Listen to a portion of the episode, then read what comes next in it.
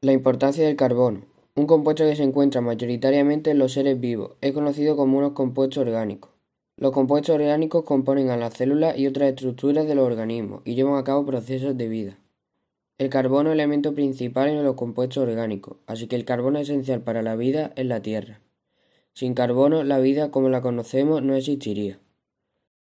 El carbono en estado sólido puede adoptar muchas formas alotrópicas, siendo las más comunes el diamante y el grafito aunque también puede formar nanoestructuras en forma de balón de fútbol o tubos diminutos, entre otras posibilidades.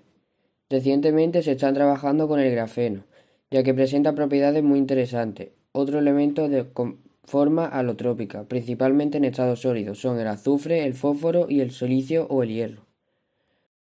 Los hidrocarburos se forman por la transformación térmica en la materia orgánica que contienen algunas rocas. Esta materia orgánica comienza a transformarse en petróleo o gas al estar sometida a altas temperaturas y presiones. Las principales aplicaciones de los hidruros son los combustibles líquidos. Los combustibles llamados fósiles provienen del petróleo. Podemos definirlo como una clase de hidrocarburos que entran en combustión al calentarse en presencia de oxígeno. Los más comunes hoy en día son los diferentes tipos de gasolina, el diésel y el queroseno. También son usados para toda la maquinaria industrial y para los generadores eléctricos.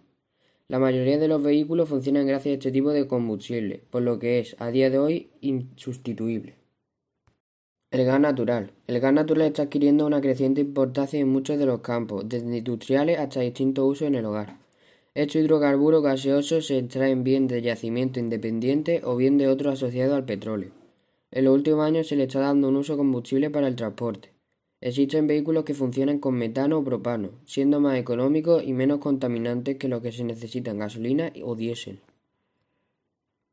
La elaboración de plástico. Otro de los usos que se le da a los hidrocarburos es la fabricación de plástico. Para ello necesitan un procesado que tiene lugar en la industria petroquímica. Los plásticos son uno de los materiales más presentes en la vida cotidiana, debido a su resistencia y la posibilidad de darle multitud de formas.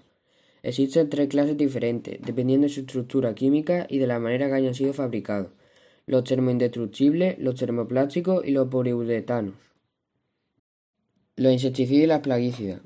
Su uso se remonta a la década de los 40 del pasado siglo. Fue entonces cuando se comenzaron a emplear los clorados para intentar erradicar las diferentes plagas que se hablaban en las cosechas.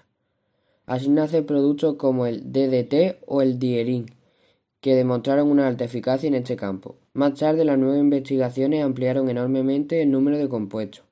En los últimos años, sin embargo, se está tratando de eliminar su uso, ya que producen grandes daños medioambientales y pueden ser dañinos para la salud de los consumidores.